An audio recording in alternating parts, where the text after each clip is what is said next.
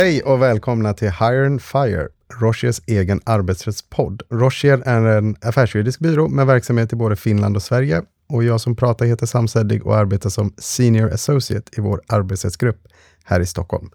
Med mig har jag min kollega William. Ja, precis. Hej, William heter jag. Jobbar tillsammans med dig, Sam, också i Rochers arbetsrättsgrupp som associate. Ja, du eh, William, 2022 är ju ett eh, väldigt spännande år för oss arbetsrättare. Efter att eh, inte ha sett så jättemycket nya lagstiftningar de senaste åren, kanske till och med decennierna, så känns det som att allting händer på en och samma gång. Vi har i tidigare avsnitt av Higher Fire pratat om de stora ändringarna i LAS som har trätt i kraft och har sin bakgrund i januariavtalet och parternas överenskommelse. Vi har också pratat om visselblåsardirektivets implementering i Sverige genom visselblåsarlagen som det lite vagt kallas. Och nu idag så ska vi prata om arbetsvillkorsdirektivets implementering. Det stämmer bra. Den 29 juni så implementerades då eh, det så kallade arbetsvillkorsdirektivet. Och det här då genom lagändringar i bland annat eh, lagen om anställningsskydd, LAS. Och vi kan väl egentligen backa bandet till början av 1990-talet eh, då EG, nuvarande EU, antog upplysningsdirektivet, eh, vilket anger skyldigheter för arbetsgivare att upplysa arbetstagare om de väsentliga villkoren i anställningsavtalet eller anställningsförhållandet. Och det här implementerades då senare i LAS. Men det har gått ett tag sedan dess Sam eh, och EU kände det var dags att uppdatera detta och det har de då också gjort då med arbetsvillkorsdirektivet. Och syftet är då att förbättra arbetsvillkoren genom att främja tydligare och mer förutsägbara anställningsvillkor. Och vi kommer väl framförallt fokusera på tre områden som vi tycker är särskilt spännande i det här avseendet. Och då är det 1. Det utvidgade tillämpningsområdet för LAS. 2. Den utökade informationsplikten. Och 3. Den nya regleringen av annan anställning. Men låt oss börja med den första punkten. Då. Utvidgade tillämpningsområdet, vad innebär det?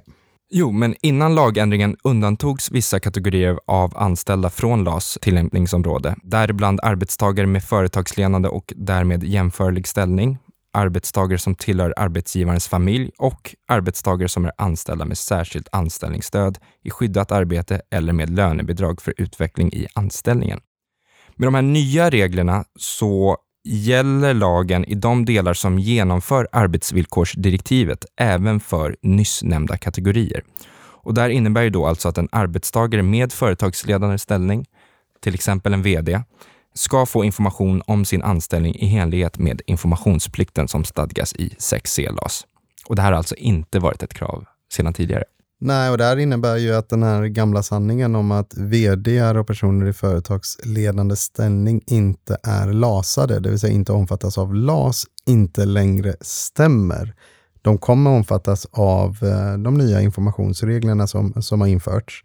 Däremot så gäller ju inte anställningsskyddsreglerna för vd och personer i företagsledande ställning. Vi kommer dock komma lite tillbaka till vad som gäller kring förbudet mot en annan anställning, en regel som också har införts nu i de senaste ändringarna. Precis. Men om vi går vidare till punkten två och eh, tittar på den utökade informationsplikten. Vad är det som man ska informera om? Jo, men eh, sedan tidigare så har ju arbetsgivare varit skyldiga att lämna skriftlig information till anställda. Och det här då om bland annat anställningens tillträdesdag, arbetsplats, begynnelselön, längden på betald semester och så vidare. I och med de här nya lagändringarna då så utökas denna informationsplikt eh, och några nya exempel är då om det inte finns någon fast eller huvudsaklig arbetsplats ska arbetsgivaren informera om att arbetet ska utföras på olika platser eller att arbetstagaren själv får bestämma sin arbetsplats. Information ska ges om vad som ska gälla för övertid eller mertidsarbete och ersättning för sådant arbete i förekommande fall. Eh, minsta tidsfrist för besked om den ordinarie arbetstiden och jourtidens förläggning ska också ges information om. Som huvudregel är det ju två veckor enligt arbetstidslagen, om inte annat följer av kollektivavtal. Information ska även ges om de bestämmelserna som ska följas när någon vill avsluta anställningsförhållandet. Det vill säga, vad är det för regler i både lag och kollektivavtal som parterna har att följa för att avsluta anställningen? Och information ska också ges om att arbetsgivaravgifter betalas till staten samt uppgift om det skydd för social trygghet som tillhandahålls av arbetsgivaren. Och här brukar man då prata om sjuklön och tjänstepension. Och mycket av den här informationen brukar ju, eller kan i alla fall, bakas in direkt i anställningsavtalet. Eh, när eh, våra klienter kommer till oss så vill de ibland ha det här som en avtalstext och ibland så vill de ha det som en bilaga, som en informationsbilaga, som de bara kan lägga till anställningsavtalet. Men om man vill ge informationen senare än vid själva anställningstillfället, när måste man informera då? Det beror lite på vad det är för information. Huvuddelen av informationen ska ges senast sju arbetsdagar efter anställningen har påbörjats och viss information så är det senast en månad efter anställningen har påbörjats. Och därtill kan vi även tillägga så att informationen ska vara skriftlig, men att arbetsgivaren kan i vissa fall uppfylla den här informationsplikten genom hänvisa till lag och eller eh, kollektivavtal.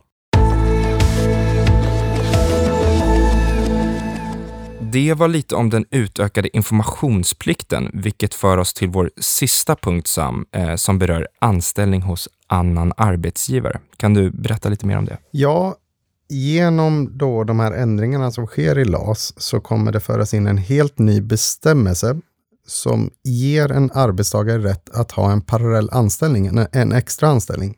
Och bestämmelsen innebär i princip att en arbetsgivare då inte får förbjuda andra anställningar hos arbetstagare, förutom i vissa undantagsfall. Och de undantagen som anges i lagen, det är om anställningen skulle vara arbetshindrande, det vill säga att eh, arbetstagaren hindras att utföra sin första anställning så att säga. Ett annat förbud är om den nya anställningen skulle konkurrera med arbetsgivarens verksamhet på ett sätt som kan orsaka skada. Och det är alltså två olika frågor att titta på. Det ena är, är det en konkurrerande verksamhet? Och två, kan det faktiskt orsaka skada? Det räcker alltså inte med att eh, det bara, inom citationstecken, skulle vara en konkurrerande verksamhet. Det tredje undantagsfallet är om den nya anställningen på något annat sätt kan skada arbetsgivarens verksamhet, det vill säga att den inte är arbetshindrande i sig, det är inte en konkurrerande verksamhet som kan leda till skada, men den är skadlig på annat sätt. Och då kan man tänka sig till exempel att det kan leda till en viss renommé eller PR-skada för den eh, befintliga arbetsgivaren.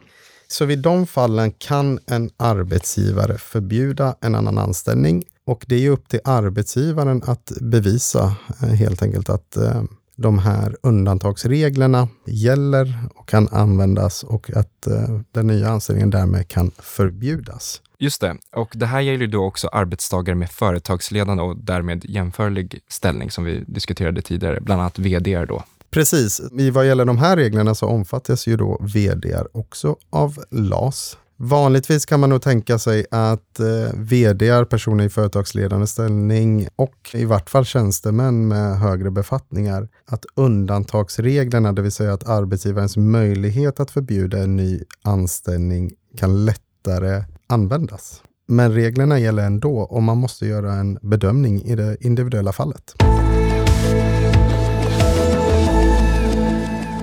Ja men toppen, då har vi diskuterat lite om de här tre områdena, alltså det utvidgade tillämpningsområdet för LAS, den utökade informationsplikten och som Sam precis var inne på nu sist, den nya regleringen av annan anställning.